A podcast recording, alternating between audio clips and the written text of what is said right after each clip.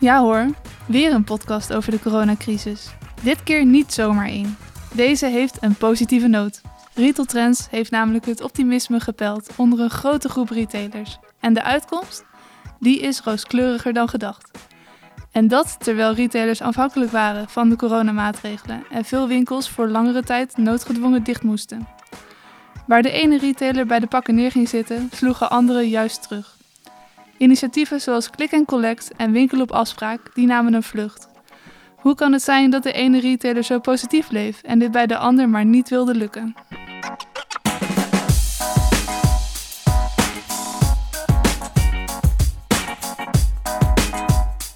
Mijn naam is Esther Schaap en vandaag bij mij aan tafel Erwin Rutte, Managing Director van Taco Fashion Nederland. Uh, Erwin, welkom. Dankjewel. Erwin, om allereerst even bij de, met de deur in huis te vallen. Uh, uit ons onderzoek blijkt dat je afgelopen jaar het rapportcijfer 2 hebt gegeven.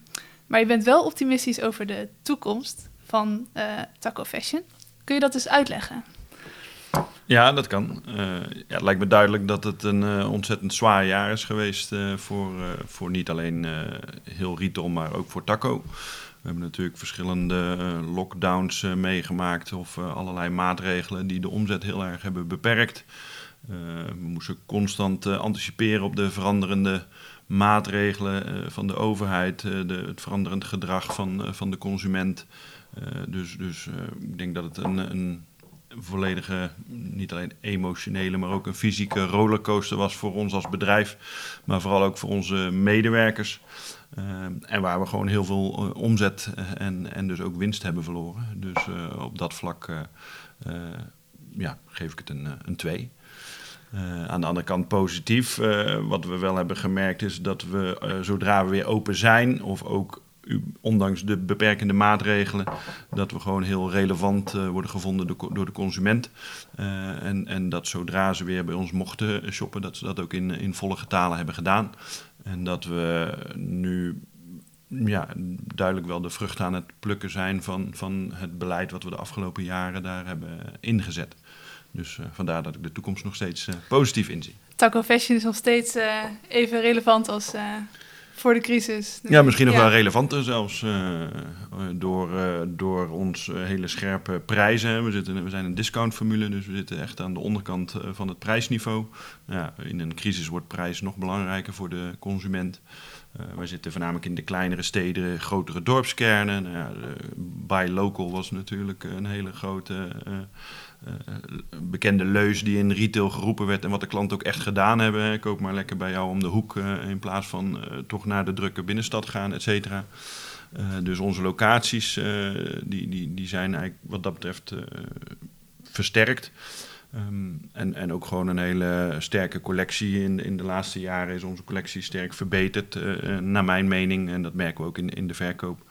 En dan ja, dat aangeboden in een, in een aangename winkelomgeving met de geboden service. Daarmee onderscheiden wij ons, uh, vinden, vinden wij van, uh, van, van andere discounters en van internet.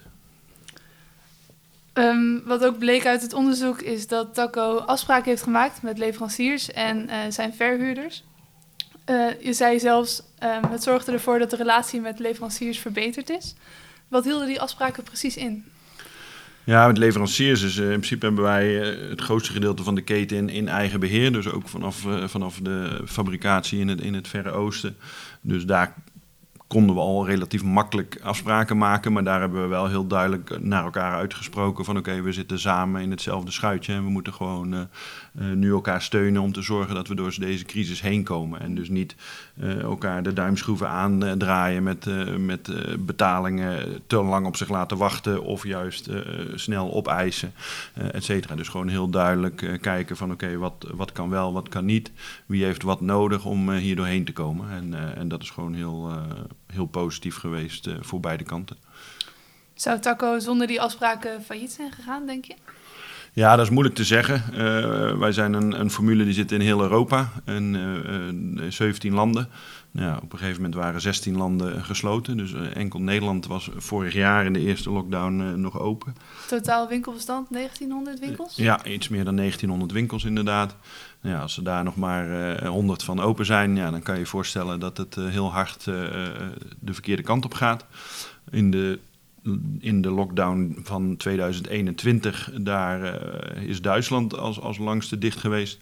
Nou ja, dat is ons, uh, ons thuisland, ons grootste winkelbestand. 1200 winkels van die 1900 uh, zitten in, in Duitsland. En het moeilijke is dat je ook niet weet hoe lang gaat dit duren. Hè? Dus uh, op een gegeven moment kan je natuurlijk uh, alles dichtrekenen tot een bepaald moment. En als elke keer die eindstreep van die lockdown weer verlengd wordt, ja, dan moet je weer opnieuw gaan rekenen. En, uh, dus, dus wij zijn een, een gezond bedrijf, een sterk bedrijf met, met vertrouwen in de toekomst. Maar ja, op een gegeven moment, zolang, zolang je niet weet hoe lang je het moet uitzingen, ja, dan wordt het, wordt het wel even spannend. Ja. Maar echt zeker, met zekerheid zeggen of je dan failliet zou zijn gegaan, is het lastig te bepalen. Dat is lastig te bepalen, ja. ja. Wij hebben er uh, in ieder geval alles aan gedaan en ook een heel uh, sterk management en investeerders die volledig uh, achter ons stonden om, om er alles aan te doen dat dat niet ging gebeuren. En, en tot op heden is dat gelukkig gelukt en hebben we de weg naar boven weer duidelijk gevonden. Gelukkig maar. Um, hoe heb je de steun van de overheid in de afgelopen anderhalf jaar ervaren? Moeizaam. Uh, zeker voor de groot winkelbedrijven. Ik denk dat uh, die, die NOW is natuurlijk heel snel opgetuigd. En, en dat leek een, een fantastische regeling. Uh, ook als ik het vergelijk met, met andere landen waar ik ook verantwoordelijk voor ben. Zeker voor de medewerkers. Hè. Iedereen kreeg 100% loon doorbetaald. Dus dat is fantastisch. Want in andere landen kwam iedereen in tijdelijke werkloosheid te zitten. En die, die viel zo 20, 30, soms wel 40% terug in, in hun salaris. Dus voor de medewerkers. Wil je daarmee andere landen van Taco Fashion of andere ja. landen gewoon in het algemeen? Nee, in, ja, in het algemeen. Maar in, in mijn geval, ik ben ook verantwoordelijk voor België en, en Frankrijk. En, en daar zag je direct in een lockdown, ja, daar gingen alle medewerkers in, in tijdelijke werkloosheid. En die moesten gelijk ook flink salaris inleveren. En in Nederland uh, hebben we ze gewoon 100% doorbetaald aan de hand van de NOW. NOW hebben we ook aangevraagd. Hebben we ook gekregen. Uh, alleen we hebben er tot op de dag van vandaag nog steeds geen duidelijkheid over of dat we het ook mogen houden. Hè? Want dan komt die toetsing daarna. Dus, uh, en dat is zo'n complex uh, verhaal dat, dat, dat het gewoon ja, zo ingewikkeld is überhaupt om voor de accountancies, omdat dat te toetsen van oké, hebben ze er recht op? want ik praat over de, de NOW van maart 2020, hebben we tot op heden nog steeds geen duidelijkheid over of dat we die mogen houden. Nou, laat staan de NOW 3 hebben we ook nog steeds geen duidelijkheid. Dus dat, is, uh, dus dat is een van de redenen. En daarnaast is ook gewoon de, de, de steun qua bedragen staat voor de grootwinkelbedrijven totaal niet in verhouding uh, van, ten, on, ten, opzichte van onze kosten. voor, voor het midden-kleinbedrijf en voor de, voor de eenmanszaken is het over het algemeen, als ze de steun gekregen hebben, is het, is het zeker een, een mooie bijdrage geweest van de overheid. Maar voor de grootwinkelbedrijven, die, ja, die zijn toch wel redelijk in de kou laten staan door de overheid. En dat hebben ze ook op een gegeven moment ook letterlijk uh, uitgesproken. Die uh, moeten hun eigen uh, boontjes maar doppen. ondanks dat wij natuurlijk een heel groot gedeelte van de werkgelegenheid verzorgen. Moeten jullie die NOW-steun ook terugbetalen? Ja, dat is dus nog steeds niet duidelijk. Uh, wij hebben uh, wekelijks overleg met onze accountants en elke keer moeten we de nieuwe stukken aangeleverd worden uh, voor de toetsing. Dus tot op de dag van vandaag staat het nog steeds ergens gereserveerd met, met de vraag of dat we het moet, mogen houden, of terugbetalen of een gedeelte terugbetalen.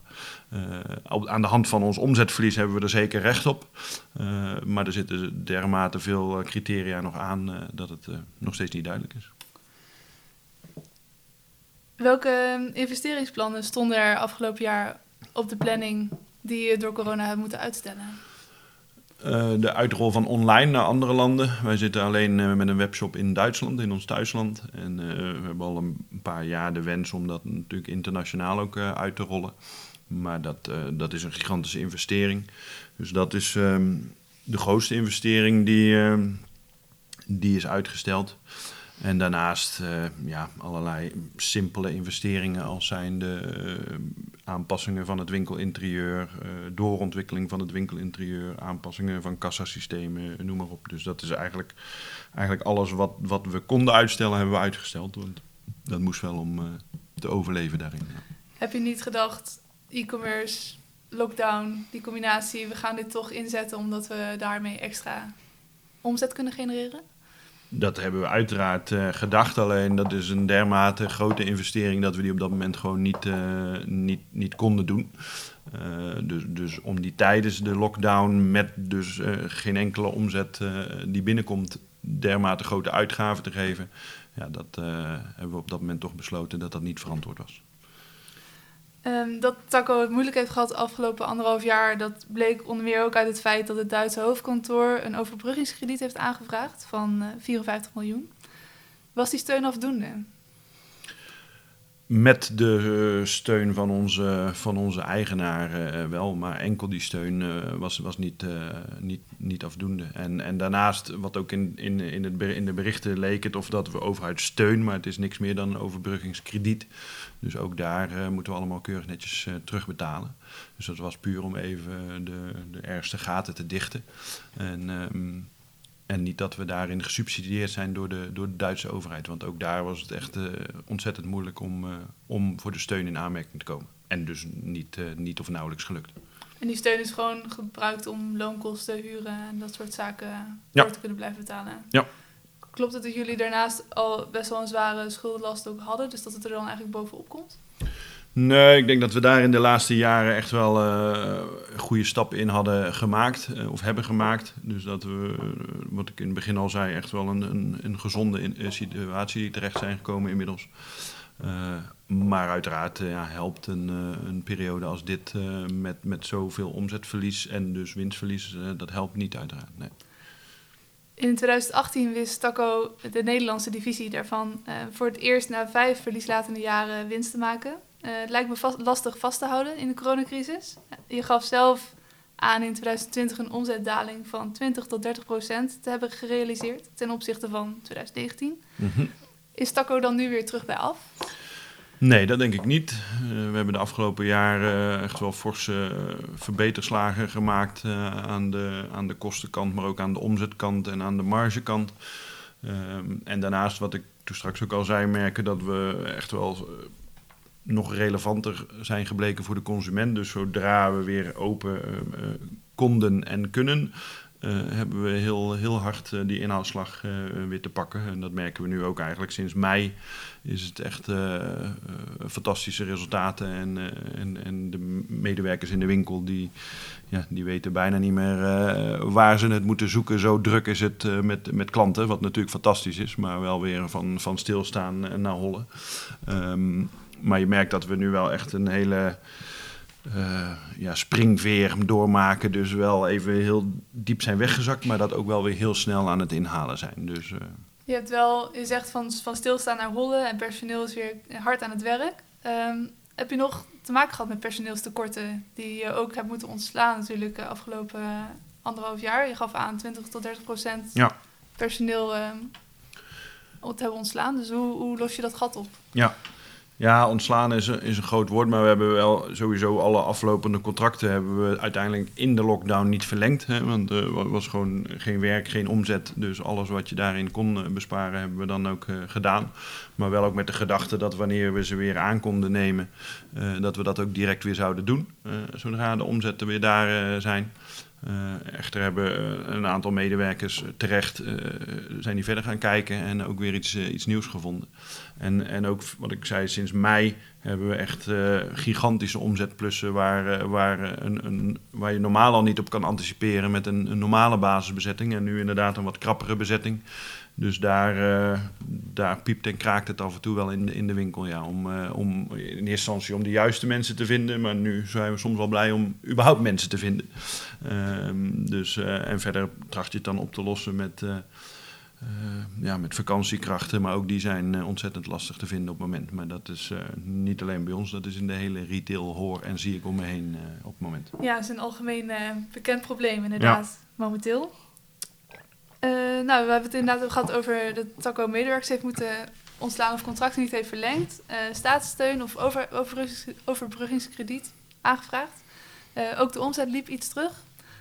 waren er ook positieve ontwikkelingen afgelopen anderhalf jaar waarvan je zegt, nou, die steken er met kop en schouders bovenuit? Jazeker.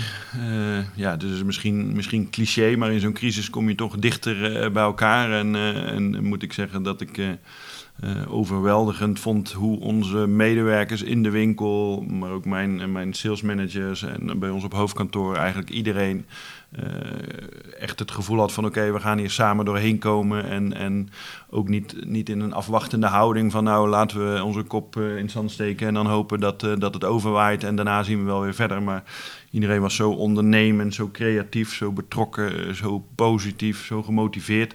En dat, uh, dat, was wel, uh, dat was wel echt het meest positieve. En daarnaast heb ik ook wel tegen mijn teams gezegd, ja, ook cliché, maar dit, dit, dit leer je op geen enkele school of universiteit. Hè. De, meer, meer leerzamer dan dit krijg je ze niet. Dus, dus zie het ook gewoon op die manier en kijk gewoon wat kunnen we hier constant uithalen. Uh, om, om, om altijd maar te moeten anticiperen op de veranderende situatie. Dat, dat is normaal al heel moeilijk. Alleen nu is in anderhalf jaar tijd natuurlijk de hele wereld veranderd. En, uh, en om daar constant op te anticiperen en dan nu toch weer in zo'n positieve flow uh, door, door te winkelen, om het zo maar te zeggen. Ja, dat, dat is wel echt het meest positieve wat ik eruit heb gehaald. Zijn dat ook punten die je meeneemt, ook indien corona ooit weer ehm, ja, weg is of niet meer de crisis echt een einde is? Ja, wat we daarin hebben gemerkt is dat uh, toch ook het, het, ondernemerschap. We hebben op een gegeven moment ook wel iets meer vrijheid gegeven in de winkels. Van uh, kijk gewoon wat jij in jouw lokale winkel nodig hebt om die omzet binnen te halen. Ook met de personal shopping en, en, en click en collect doen. En, en dan merkte je dat dan die creativiteit en die betrokkenheid die wordt eigenlijk veel groter daardoor. Hè. Dus dat is een, een belangrijke les die ik voor mezelf ook wel heb gehad, dat je daarin toch nog meer uh, verantwoordelijkheid in de, in de winkels uh, kan en moet leggen binnen bepaalde richtlijnen. Um, en daarnaast hoe belangrijk het is om met elkaar te blijven communiceren. En dat heb ik ook gewoon heel erg gemerkt. Dat, uh, dat je ook je keuzes heel goed moet blijven uitleggen. En ook al zijn het keuzes waar ze soms niet blij van worden, als je ze maar wel goed uitlegt en ze erin meeneemt in het waarom, dan merk je dat je daar al een hele hoop mee hebt ondervangen. En daar moet je weer voor waken dat als je weer uh, terug naar normaal gaat, dat je, dat je niet dan ineens weer uh, stopt met communiceren of een stuk minder gaat communiceren. Ja, dus. ja helder. Hoe kijk je naar de tweedeling die is ontstaan tijdens de coronacrisis? Enerzijds uh, e-commerce, wat toch een beetje wordt weggezet als de winnaar van de crisis. Anderzijds offline en natuurlijk vooral fashion, kleding heeft best, offline fashion, kleding best zwaar gehad. Um, die, die tweedeling, schaar je jezelf onder zeg maar, de verliezers of de winnaars? Of hoe kijk je daarnaar? Ja, wat ik ook al wel eerder aangaf, is de, de, de, zeker qua prijsniveau, qua locatie en, en, en qua winkelaanbod en, en, en klantenservice denk ik dat we heel duidelijk onze relevantie uh, nu hebben aangetoond. En, en dat de klant ons daar ook voor, voor beloont door uh, en naar de winkels te komen en ook te kopen. Dus, uh, dus ik zie, zie onszelf zeker niet als een, als een verliezer op dat vlak.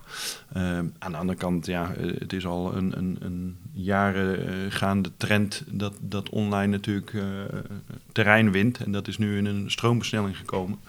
Ik, ik geloof niet in, in online pure players. Hè. Ik denk echt het omnichannel, dus de combinatie tussen de, de kliks en de bricks, dat dat de winnaar is van de toekomst. Hè. Want klanten willen nog steeds gewoon uh, persoonlijk geholpen worden, willen nog steeds uh, voelen en, en, en passen. Um, maar ze willen ook het gemak van de beschikbaarheid en het thuisbezorgd hebben. Dus, dus dat is zeker waar we naar de toekomst toe die investering wel weer zullen gaan doen. En die ontwikkeling zal er ook wel komen. Wanneer dat is, dat is nu nog even moeilijk te zeggen. Maar nee, dus ik denk dat we nu hebben we gewoon een hele sterke marktpositie met onze offline winkels.